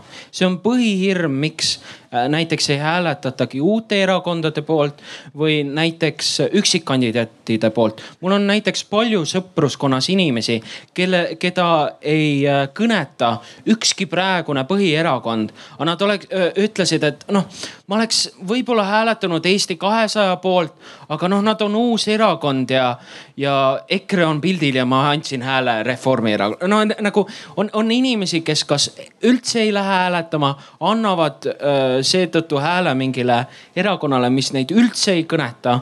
et, et, et see on praeguse süsteemi suur viga. kas ma võin ka esitada ja. küsimuse sulle? aga mis oli Eesti kahesajal uut öelda hmm?? no näiteks üks uus asi oli, nad püüdsid tuua tähelepanu sellele, et äh, äh praegune infotehnoloogia areng võib kaasa tuua selle, et äh, meil on suur töötajate kadu sellele nad püüdsid tuua tähelepanu ja tuua ka tähelepanu sellele, missuguseid meetmeid me võiksime kasutada, näiteks äh, muuta meie ettevõtluskultuuri ja edendada seda, noh näiteks sellist. küsimus on siin see, et kuidas, kuidas uusi tulijaid poliitikasse juurde saada. jah, tõesti see künnise teema, kautsjoni teema on üks asi, mida arutada. aga, aga sellises olukorras, kus inimesed lasevad ennast hirmutada ma ei, ma ei, ma olen sellele palju mõelnud, et alati enne valimisi on hästi palju igasuguseid müüte, see on müüt number üks ongi see, et sinu häälest ei sõltu mitte midagi, et ainult erakond otsustab. et, et kuidas, kuidas sellele nagu vastu astuda, et kuidas nagu panna inimesi julgema teha seda valikut, mida nad tegelikult tahavad teha nad ei pea hääletama teise erakonna poolt, kui nad tegelikult tahavad hääletada erakonna number üks poolt hoopis. hirmu, hirmu üks peamine põhjus on ju ikkagi ju infopuudus. et kui ma kardan, et äh, kapis istub koll, siis ma võin seda uskuda senikaua, kuni ma selle ukse lahti teen ja vaatan, et ei ole, et mul on info olemas, et seal ei ole midagi. et äh, see, me jõuame siitkohast tagasi selle äh, nii-öelda avatuse ja informeerituse juurde, et ähm, mida rohkem on inimesed kursis sellega, mis toimub, kas ise huvi tundes või hoolitsedes selle eest, et need, kes nii-öelda palga eest on sunnitud huvi, noh, ma ei ütle sunnitud, et ma oleks, aga ma teen seda hea meelega. et äh, tunnevad nende eest huvi ja filtreerivad välja, mis on oluline mm,. siis äh, see, ma arvan, viiks kaasa suurema informeerituseni ja lõppkokkuvõttes äh, tõstaks ka huvi ja teadmist, et võib-olla Äh, oleks siis ka nagu lihtsam teha otsust, et äh, kelle poolt äh, valida või kes mida esindab või kas, kas kellelgi on midagi uut öelda või ei ole. võtame siia vahele veel ühe kommentaari publikust. aitäh, kõigepealt mul oli juba pikka aega tagasi Urmasele väike vaherepliik, et mitte, et pikk nimekiri, ma ei ütleks, et on selleks, et äh, mingid konkreetsed inimesed just erakonna ees ennast tänuvõlglane tunneks või peaksid äh, kuidagi tundma, et nad peaksid nüüd hääletama nii, nagu öeldakse. pigem ma näen nagu positiivsust selles, et ma just enne kuulasin siin kahe erakonna esimehe Indrek Saare ja Helir-Valdor Seederi debatti on huvitav tendents, et äh, kuna poliitika on natuke populaarsusvõistlus, siis aina enam tuuakse erinevatest ringkondadest tegelikult ju kandideerima just näiteks kas tegelikult Tallinnas elavaid inimesi, et me teame väga seda tendentsi. ja me vaatame üldse esindatust, mis juhtub näiteks, ma ei tea, Põlva või Võru või Saaremaaga või Hiiumaaga, kus meil noh, Hiiumaalt minu arust, kui ma ei eksi, vähemalt täna saadikut ei olegi. ehk näiteks pikk nimekiri on üks selline hea võimalus, kus erakonnad näevad tublisid inimesi, kes ei ole võib-olla veel piisavalt populaarsed või tuua uusi inimesi, keda nad tahaks näha poliitikas sisu poolest, näiteks siin on Andres Sutt, kes võib-olla ei olnud eestlastele nii tuntud, aga me nägime, et väga sisu, sisu ja tõsine inimene, keda Eesti poliitika vajaks. et ma ei võtaks seda nii ühe hoobana.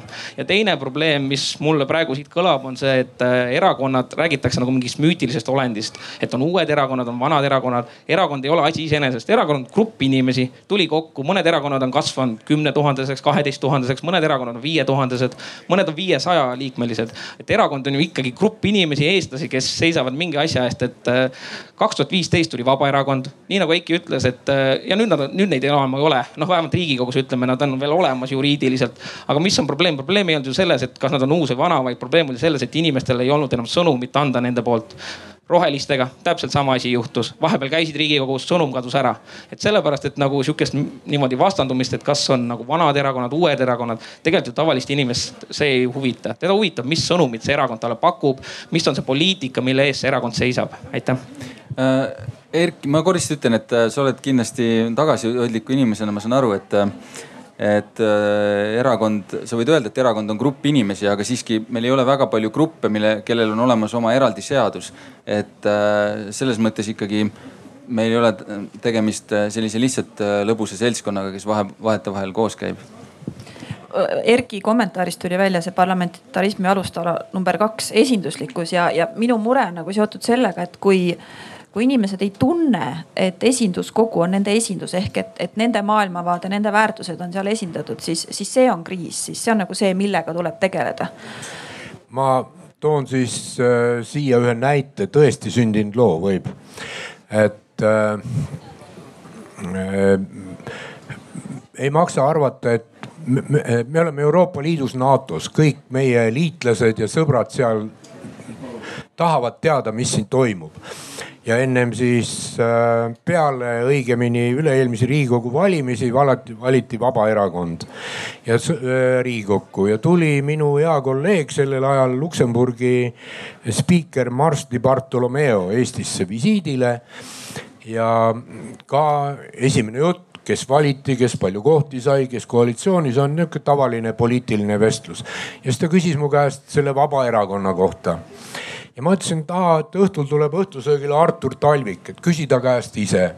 Artur tuli kohale, viks poiss, ütles, et he is from Free Party ja hakkas midagi seletama ja Mars de Bartolomeo küsis you are free from what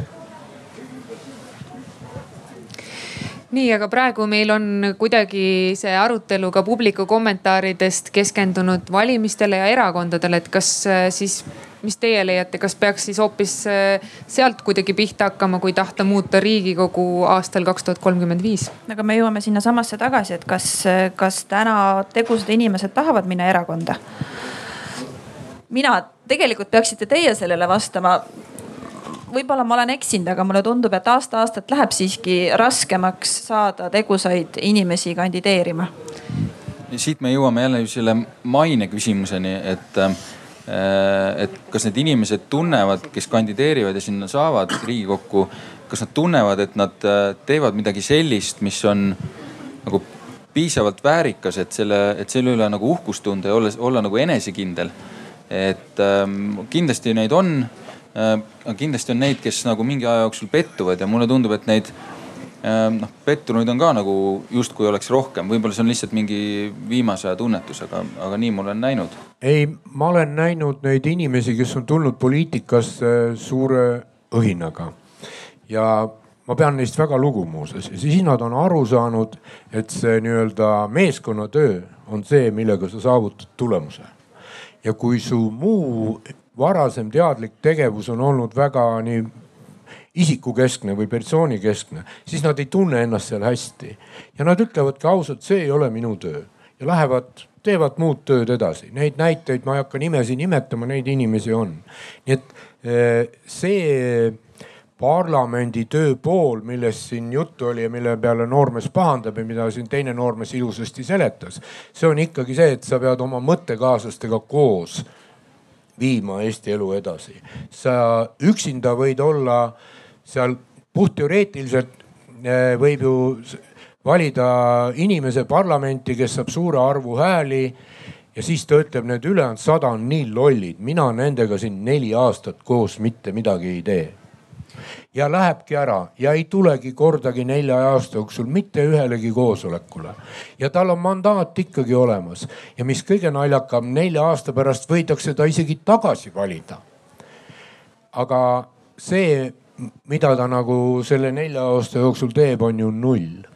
Eiki, sinul on parem ajalooline mälu, aga, aga mulle tundub see küll üsna uus tendents on vabatahtlik Riigikogust lahkumine seda ei ole tegelikult varem nii palju olnud, et inimene, kes on saanud rahvalt mandaadi, otsustab, et, et ta tegelikult siin ei taha olla. ma ütlen, et see on selles mõttes positiivne, et pigem see variant kui see variant, mis sina ütlesid, et, et, et ma lihtsalt ei võta parlamendi tööst osa, aga, aga, aga liige olen edasi. et ähm, ma, ma ei tea, kas me nagu peaksime olema mures sellepärast, et inimesed otsustavad teistsuguse karjääri kasuks see, äh, äh, need loobumised, mida mina tean, ei olnud põhjusel, et inimene arvas, et see töö ei ole küllalt esinduslik või midagi muud. ei, ta sai väga hästi aru, aga ta sai aru, et äh, tal endal puudub nagu võimalus oma loomupärast nii-öelda isikut välja tuua seal, et see ütleme erakonna, erakondade vaheline vaidlus, kokkuleppimine ja kõik muu ei andnud talle küllalt loomevabadust või midagi sellist. aga neid näiteid on ju väga palju viimasel ajal. võtaks vahele Liia Hänni, kes on soovinud juba mõnda aega ka panustada ilmselt on meie eesmärk täna jõuda ka mingisuguse ettepanekuni, et kuidas siis Riigikogu võiks meie kodanike jaoks nagu paremat tööd teha. avatus on see märksõna ja mul on hea meel kuulda, et Eiki toetab jätkuvalt seda, et Riigikogu komisjonide töö oleks niimoodi rohkem rohkem kättesaadavad, aga see, mida mina praegu öelda tahan, on, on see järgmine etapp, kuhu võiks Riigikogu välja jõuda. Ja see on see, et ei piisa sellest, kui me paiskame oma informatsiooni nii-öelda kodanikele ette, tulge ja noppige, mis teil vaja on. kui me e-teenustega püüame sinnamaale jõuda, et riik näeb ette, mida meil vaja võiks olla, siis võiks ka Riigikogu aru saada sellest, mis on kodanikule vaja. mis tähendab, et iga kodanik peaks saama anda Riigikogule teada, ma vajan sellist informatsiooni, mind huvitab see eelnõu, palun informeerige mind kui teil see küsimus on päevakorras ja, ja hoidke mind kursis, kui see eelnõu menetlusele läbib. ma tegin selle ettepaneku eelmisele Riigikogule, ma ei tea, kas siit jõuab ka midagi praeguse Riigikogu laudadele, aga ma ütlen, et see kodanikukesksus on see, mida infotehnoloogia võimaldab ja mis tuleks teoks teha. aitäh. jah, ma, ma ei näe ausalt liia takistust, mis tänasel Riigikogul keelab keelaks kuidagi seda teha või et ei saadaks, et, et kas komisjoni või no fraktsiooni kaudu, komisjoni kaudu kõige paremini on see info kõik nagu olemas, et kui inimene küsib, minu meelest ta saab. et, et see saab, ei ole probleem. jah, ta kindlasti saab, aga kas ta saab materjali, millega tal on nagu midagi pihta hakata, et äh, mina, kes ma sellega nagu iga päev tegelen, äh, äh, ma ei ütleks, et ütleme meie protokolli näiteks koos komisjonide protokollide juures on kirjas, et see peab kajastama nii-öelda arutelu käiku ma küll ei ütleks, et ma alati saan aru, mis on olnud arutelu käik ja kust on mingi mõtteni jõutud või miks see nii on läinud, et. et ähm, ja mina tegelen sellega nagu suhteliselt tihti. et äh, loota, et ähm, inimene, kes mingi äh, kindla eelnõu vastu huvi tunneb, saaks sellest ähm, nii-öelda Riigikogu enda toodet, praegu toodetavast materjalist pildi ette, miks need asjad niimoodi käivad, seda ma küll nagu praegu ei julge arvata. seda, äh, siin ma olen sinuga nõus, et need äh, protokollide tasemed on väga erinevad, et ajaloos on kõige ilusamad olnud, kui Mart Meri oli kultuurikomisjoni esimees, siis need protokollid minu teada oli kultuurirahva seast täielik hitt, neid loeti igapäevaselt, aga nad oli, see idee järgi peaks olema kogu arutelu käik protokollis välja arvatud laused äh, a la palun ulata mulle vett või miks sa kohvi mulle püksi peale ajasid või midagi sellist. et seda ei ole mõtet protokollida. mina olen neid protokolle kirjutanud, Eikid, et see on väga suur töö ja see on väga vastutusrikas töö, aga see on kahtlemata vajalik töö, aga mina sain Liia mõttest aru sedapidi või arendasin seda edasi sedapidi, et äkki peaks olema võimalus tellida selliseid automaatseid teavitusi. et kui üks või teine näiteks eelnõu on minemas komisjoni arutelule või, või täiskokku lugemisele. et ma ei peaks iga päev jälgima Riigikogu kodulehelt, et kas on päevakord kinnitatud ja mis seal päevakorras on, vaid et ma saaks, et ma saaks teavitusi tellida, mis tänapäeva digimaailmas on ju üsna elementaarne. ja see võiks aidata ka väga paljusid neid samasid huvigruppe ja lobigruppe, kes, kes tihtipeale kurdavad selle üle, et nad äh, loevad läbi algatatud eelnõu, kõik on nende jaoks nagu korras ja siis noh, menetluse käigus eelnõu oluliselt muutub, aga nad ei jõua seda enam jälgida ja siis välja tuleb hoopis midagi muud. ma ütleks lihtsalt siit eh, kui Riigikogu Kantselei töötajana vahele, et tegelikult saab tellida Riigikogu lehelt endale selle teavituse, et sul tuleb Riigikogu nädala eelinfo postkasti ja seal on tegelikult kõik need eelnõude numbrid hüperlingid ja sa lähed kohe eelnõu lehele sealt. sa mõtled seda emaili, mis, mis saadetakse, kus on päevakorrad? just. aga seal komisjoni päevakordi? ja seal on komisjoni päevakorrad ka, et mis tuleb arutada arutelu, aruteluks, nii et kui kedagi huvitab ja te ei ole veel tellinud, siis Riigikogu kodulehelt saab ennast sinna listi panna väga tore on, on sel, see eh, informatsioon teadmiseks võtta. see, mida mina silmas pidasin, oli see, et kui mind näiteks huvitab mingi keskkonnateemaline metsapoliitika näiteks et ma siin, siis saan Riigikogule öelda seda, et, et mind huvitab metsapoliitika ja kui teie menetlusse tuleb selleteemaline eelnõu, siis mind teavitatakse sellest. et, et nii-öelda kodanik saaks olla vastavalt oma huvile nii-öelda kujundada oma nii-öelda kodanikuportfelli teemadest, mis mind tõsiselt huvitavad. see oli minu ettepaneku mõte, aitäh. selge Nonii, aga võib-olla võtame korraks veel ette need äh, samad komisjoni istungid, mis Urmase meelest peaksid olema täiesti avalikud, nii et põhimõtteliselt igaüks, eks ju, saaks neid kuulata, vaadata. kas siis ei ole oht, et äh, kogu arutelu ja otsustusprotsess kolibki veel rohkem täiesti peitu kuskile mujale? no esiteks ma ütlen et, et sada protsenti ei saa kõik olla avalikud, et äh, on ju komisjone, mis tegelevad asjadega, mis puudutavad riigisaladust, riigisaladust, aga aga üldjoontes ju võiks, et noh, see hirm, jah, see on esimene argument, mis selle peale öeldakse, et äh, need arutelud kolivad kuskile mujale.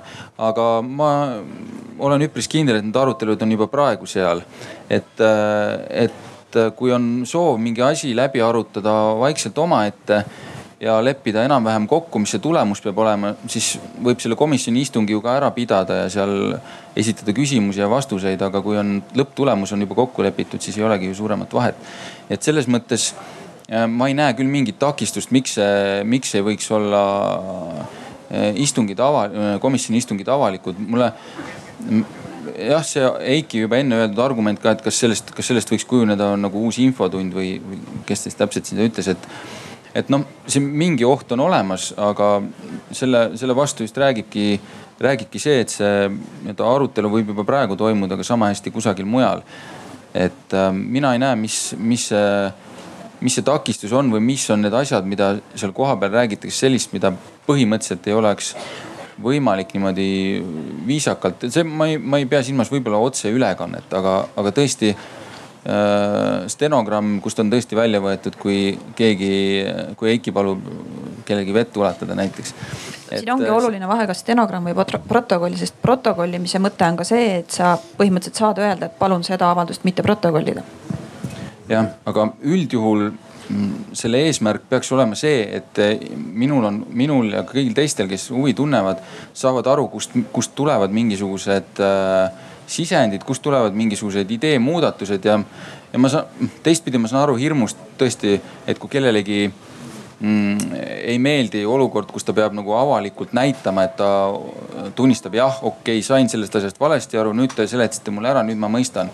aga mulle tundub see veidi nagu valehäbi moodi, sest keegi ei eelda, et inimesed äh, teavad kõike ja teevad alati oma esimese otsuse, selle õige otsuse et ähm, täpselt samamoodi ka Riigikogu liikmetelt, et kui, kui ma saan seda arutelu jälgida, ma näen seda protsessi, mismoodi selle lõpptulemuseni jõutakse, siis mina arvan, et selle põhjal võiks inimestel nagu usaldus suureneda äh, Riigikogu vastu, et äh, et kui sul on silme ees, mismoodi see protsess käib ja sa näed, et need inimesed päriselt arutavad, mitte ei äh, oma küsimuse hetkeni ei istu telefonis ja küsimuse lõppedes ei jätka oma telefonis pooleli jäänud protseduuri.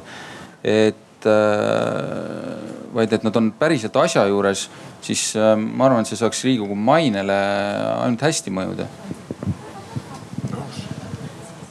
Eiki tahab vaielda. ei ei taha vaielda, ma olen kindlasti sama meelt, et mul on maru kahju. mul on üks hea sõber, ta on täna ka Riigikogus, Jürgen Ligi.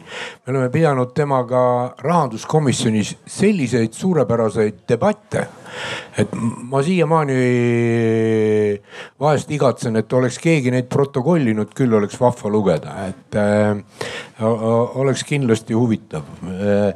ja mul on väga kahju, et neid keegi ei protokollinud sellel ajal, sest siis tehti protokoll nii, et eelnõu number kuussada kuus, kohal oli minister äh,, kantsler, mingid seal ministeeriumi ametnikud, arutati, otsustati saata teisele lugemisele, teine lugemine lõpetada, kogu lugu. vot selliseid protokolle tehti kunagi vahepeal? no aegu on olnud erinevaid, oli ka aeg, kus tegelikult tehti väga põhjalikud protokollid, aga neid ei avalikustatud. Need protokollid jäidki komisjoni nõunikele sisendiks selleks, et kirjutada eelnõu tollal veel komisjoni nõunikud kirjutasid eelnõu. sest et, et isegi kui sa seal jälgid seda arutelu, sul ei jää kõik meelde, sul on vaja hiljem seda sisukat protokolli nii nõunikel kui komisjoni liikmetel, et meelde tuletada, mida me eelmine kord arutasime ja kuhu me jõudsime. aga neid ei avalikustatud kas seda konkreetset teemat keegi soovib publikust veel kommenteerida, võib-olla tegevliikmetest? ajakirjanduse Riigikogu teema jah no ilmselgelt ajakirjandus on alati huvitatud rohkemast avalikustatusest.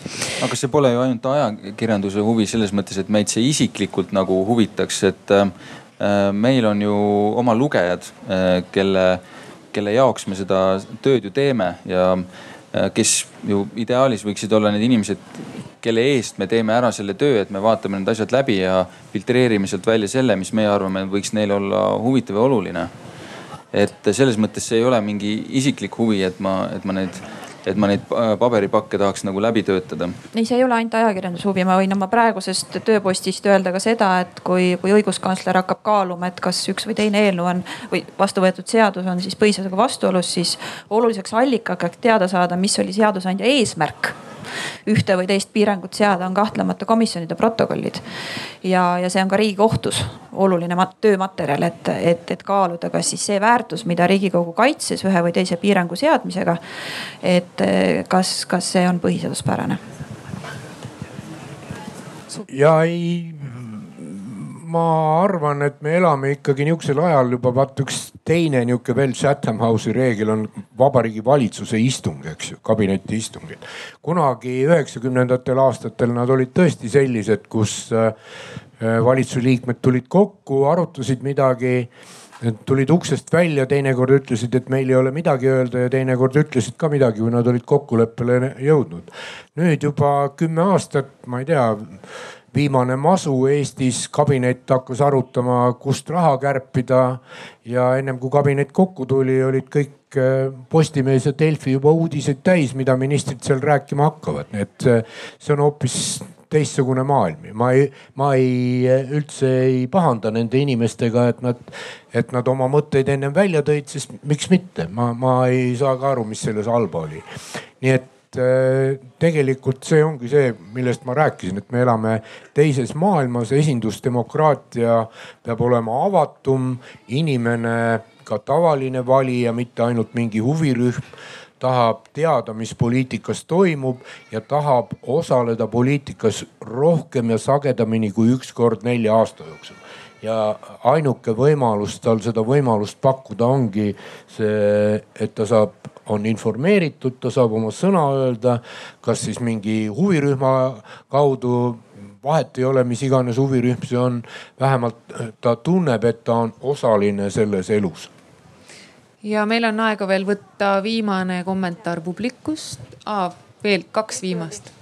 mul on, ma olen Paul Oppel ja mul on niisugune küsimus, et ähm, kuidas me saame käsitleda niisugust lihtsat asja, et on õiged ja valed valikud või õiged ja valed äh, vaated. et minu jaoks on nagu see kuidagi väga ebamäärane, et äh, kuidas seda saab niimoodi üldse võtta? Vaateid on erinevad, inimesed on erinevad. vastupidi, mina oma sissejuhatavas sõnavõtus tahtsingi seda väita, et ei ole olemas õigeid ja valesid vaateid, et, et selleks meil ongi parlament esinduskoguna, kes lepib kokku konkreetsetes küsimustes, kus, kus õigeid ja valesid otsuseid ei ole olemas. selleks parlamenti vaja ongi. nii ja sealpool oli veel tervist, Kajar Kase, riigikogu fraktsiooni, Reformierakonna fraktsiooni töötaja ähm, selles mõttes Urmas, et see, mis sa tahad, on vastuolus omavahel, on ju. et sa tahad rohkem ausat arutelu, äh, mis tuleks läbi rohkem äh, avalike poliitikute nagu äh, kokkusaamist, et ma võin sulle öelda, et, et see võib niimoodi olla, et komisjoni istung on avalik Äh, ja mina isiklikult endise ajakirjanikuna väga toetan seda, muidugi rohkem content'i ongi väga hea, nagu keegi ikka tahab seda vaadata, riigikogu ülekandeid ju ka vaadatakse, onju. Äh, muidugi võiks olla, ainult et mis seal siis ikkagi toimuma hakkab, hakkab toimuma täpselt seesama poliitiline noh, mida sina nimetasid show'ks või, või nagu etenduseks on ju. et see, see on paratamatult selle, mis meil on ju nagu, nagu kohtus, meil on poliitikas nagu võistlev menetlus on ju. et advokaat ei hakka sulle kohtus ütlema, et noh, võib-olla võib-olla mul see hoolealune siin ühte-teist ka tegi. ja samamoodi nagu noh, kui sa esindad mingit äh, poliitilist seisukohta, siis äh, sul on väga raske nagu öelda, et noh, ma näen seda teist poolt ka äh, aga, või noh, tuua selle teise poole pealt, et sa ikka tood nagu enda poole pealt neid, neid mõtteid välja. et selles mõttes see on raske küsimus, et kuidas seda, kuidas seda päris noh, mis päriselt toimub, äh, teada saada. ma arvan, et Urmas muidugi ise väga palju selle heaks teeb, et ma soovitan Jaaganti poliitradarit, et meili peale tuleb ja, ja sealt tõesti saab teada, sest Urmas päriselt räägib nagu riigikogu liikmetega äh, ja poliitikutega, ministritega ja nii edasi ja, ja saab aeg-ajalt sealt teada, mis ta, mis nagu toimub. ja sellepärast ma ütlengi, et minu soovitus oleks see, et ähm, adopteerige riigikogu liige nagu, et, et kui te tahate rohkem teada, siis võtke nagu saadik, kes on siis teie ringkonnast, kelle kohta te saate öelda, et näete, ma sinu poolt hääletasin, vähemalt sinu nimekirja poolt hääletasin. Ma aeg-ajalt küsiks su käest midagi, ma aeg-ajalt ise annaks sulle mingisugust nagu tagasisidet, sest üldiselt on niimoodi, et ma ka istun nendes koosoleku, noh meil fraktsiooni koosolekul on ju aga mul on väga raske rääkida ausalt, et mis seal päriselt räägitakse, et mind ei ole sinna valitud, ma olen nagu töötaja, et mul on noh, ma olen lepingule alla kirjutanud ja nii edasi, ma päris täpselt ei saa rääkida, mis seal laua taga tehakse. aga saadikud on oma mandaadis vabad, et nemad küll saavad rääkida ja nende töö ongi valijatele ju selgitada, et mis siis, mis see tegelikult tähendab, see seadus on ju, kust need mõtted sinna seadusesse tulevad ja nii edasi, nii et selles mõttes kõigile soovitan, et siin jälle Erkki Keldo on siin, Andres Sutt on siin, Leo Kunnas ma näen, on ju. et äh, võtke mõni riigikogu liige endale ja hakake temaga suhtlema ja see kõik vastab tõele, aga kui me nüüd räägime sellest, kui meil on vaja teada riigikogu kui terviku tahet ja eesmärki ehk kui me räägime siis juba näiteks põhiseadusliku järelevalve menetlusest, siis see, mida üks või teine riigikogu liige arvab ei oma tegelikult mingit tähtsust. küsimus on, et mis olid need läbi arutelus läbi käinud argumendid, millele tuginevalt siis näiteks riigikogu otsustas, ma ei tea, kehtestada täiendavat aktsiisi või, või teha täiendavaid ettevõtluspiiranguid või, või, või mis iganes. soovid lisada veel? lisada ei, kaks tuhat kolmkümmend viis jõuame sinna siis, ma ütlen Jõuab. siis veel kord, et see on kohe ja esindusdemokraatia on minu meelest tänapäevases uues infoühiskonnas kõige mõistlikum demokraatia vorm, et siin äh, diktaatorid ei aita, otse valitud presidendid suurte volitustega ei aita, äh, referendumite üleküllus ei aita. Äh, nii et esindusdemokraatiata me nagu edasiliikumist ei saa olema, mitte midagi ei ole teha, lepime sellega nii, võtame viimase kommentaari publikust ja siis ma palun teil lausega kokkuvõtte teha. tere, ma olen Teet Randma ja ma puutusin nende riigikogu komisjonidega, istungitega kokku põlevkivi väljumise selle Põxiti äh, petitsiooni raames. ja minu arust nagu praegult ei ole niivõrd küsimus kaasamises In,, inimestel on tegelikult info kättesaadav kõigi menetluste kohta. pigem on inimeste huvi need äh, üles leida keerukas süsteemist, alati saab parandada, aga pigem on probleem see, et kuidas võtta äh, inimeste ja kodanike liikumiste arvamust arvesse ja kuidas vältida otsustamatust, sest äh, näiteks põlevkivi väljumise strateegia puhul riigikogu küll arutas seda, aga ei suutnud jõuda mingilegi kokkuleppele, et mida me siis teeme. ja nüüd, nüüd me oleme nagu siis äh, pool aastat hiljem umbes äh, situatsioonis, kus midagi peab tegema, aga meil on plaan tegemata, et, äh, et see on pigem praegu probleem vist. jah, aga see nagu ei ole esindusdemokraatia probleem, vaid see on poliitilise otsustamatuse probleem, see on poliitiline probleem, see on teine kogu Põxiti teema juures näiteks äh, see on mu personaalne arvamus, ma ei ole kellegi käest kontrollinud. et praegu on nagu üllatusena tulnud minu jaoks küll, et Eesti Energia juhatusel ja nõukogul ei ole põlevkivi energeetikast väljumise kava olemas. ja ma olen küsinud, kas see on tõesti võimalik ja mulle on öeldud, et jah, et ei ole. ja ma, mina ei usu seda, sest see riigiettevõte on halvasti olnud juhitud ma vabandan otsekohesust, sest see, mis hakkab toimuma, pidi olema ju ette näha. nii et see. ma nägin see siin ühte Eesti Energia nõukogu liiget, aga ta vist on ära läinud. Urmas, soovid veel öelda sel teemal või jõuame kokkuvõteteni, sest meil hakkab tegelikult aeg otsa saama? Ahah, no väga hea, aga siis äkki veel kokkuvõttes tee veel kahe lausega tiir peale, mis on siis ideaalis äh, Riigikogu aastal kaks tuhat kolmkümmend viis, mis on seal teistmoodi? no ideaalis võiks äh,, kui ma jään sellesama teema juurde, mis puudutab avatust ja läbipaistvust, siis ideaalis võikski olla nii, et minul ja ka kõigil teistel huvilistel on oluliselt selgemini aru saada, mida ja kes äh, Riigikogus esindab, kes käivad äh, Äh, oma ideid äh, pakkumas või oma nii-öelda huvigruppi esindamas ja kuidas need otsused äh, sünnivad ja mismoodi need arutelud käivad, et kogu see nii-öelda komplekt kokku peaks andma sellise laia, laiema pildi ja tekitama tõenäoliselt suuremat huvi inimestes selle vastu, mismoodi seda poliitikat tehakse ja võib-olla selle võrra tõstma ka äh, riigikogu töö kvaliteeti, kuna Äh, huvi kasv ja, ja tä suurem tähelepanu sisulisele tööle eeldatavasti tähendab ka seda, et inimesed püüavad oma tööd teha äh, paremini või pigem siis pingutada natuke rohkem, et tulemus saaks parem. nii, Külli, kiirelt. ma tulen ikka tagasi selle parlamentarismi kolme alustala juurde. arutelu, esinduslikkus ja vastutus. ja ühiskonna poolt nõudlikkus et need kõik oleks sisukad ja Riigikogu enda poolt siis püüdlikkus nende arutelude poole. ja loomulikult arutelu võiks jõuda otsuseni, aga tegelikult äh, poliitikateoorias ka otsustamatus on otsus. ja Eiki kiirelt nõudke avatust parlamendilt ja informatsiooni, siis on kõik okei okay nii, aga nüüd äh, viimane nobedate näppude voor veel, et otsige uuesti see worksup.com välja Te saate uuesti vaadata, kas te olete ka selle pooleteise tunni lõpuks nõus kõige rohkem Eiki Külli või Urmasega. ja see kaks minutit eh, ma annaks nobedate näppude vooru ka meie esindaja, esinejatele siin. et seal on tahvel, võtke igaüks marker ja palun sirgeldage oma parema äranägemise järgi Riigikogu aastal kaks tuhat kolmkümmend viis. ükskõik, mis teie arust seda siis sümboliseerib.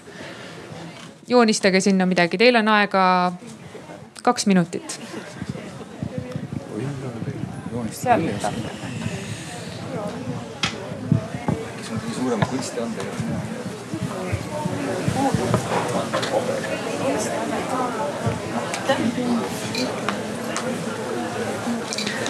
Ja samal ajal ma loodan, et kõik workshop'is hääletavad. ja siis saate juba varsti vaadata, mis, mis sealt välja tuleb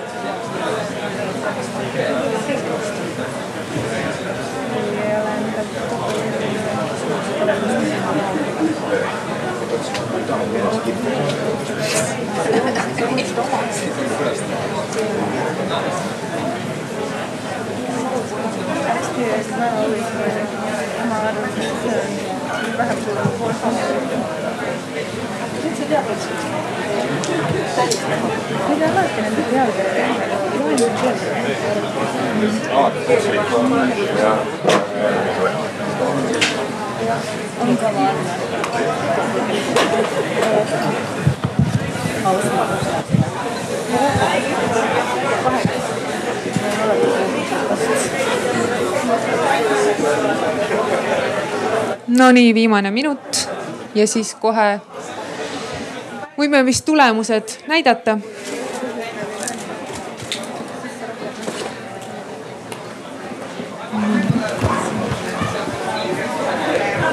Nonii Külli skoor on tõusnud ja Urmas oma langenud ja Eiki on jäänud umbes samaks.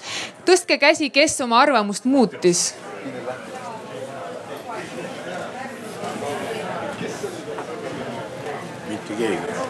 Keegi. ikka muutsid. hääletajatest. hääletajatest. nii ja kohe ma näitan teile. siit on hästi näha, et Eiki on ainus, kes on kandideerinud päriselt nii, kui te näete, siis see loss on siis Urmase teos süda ja piist on Eiki arusaam ja, ja Küllil on siis äh, selline ilus maja, kus on kirjas avatus, arutelu esindlikkus ja vastutus ehk siis need kolm alustala. aitäh teile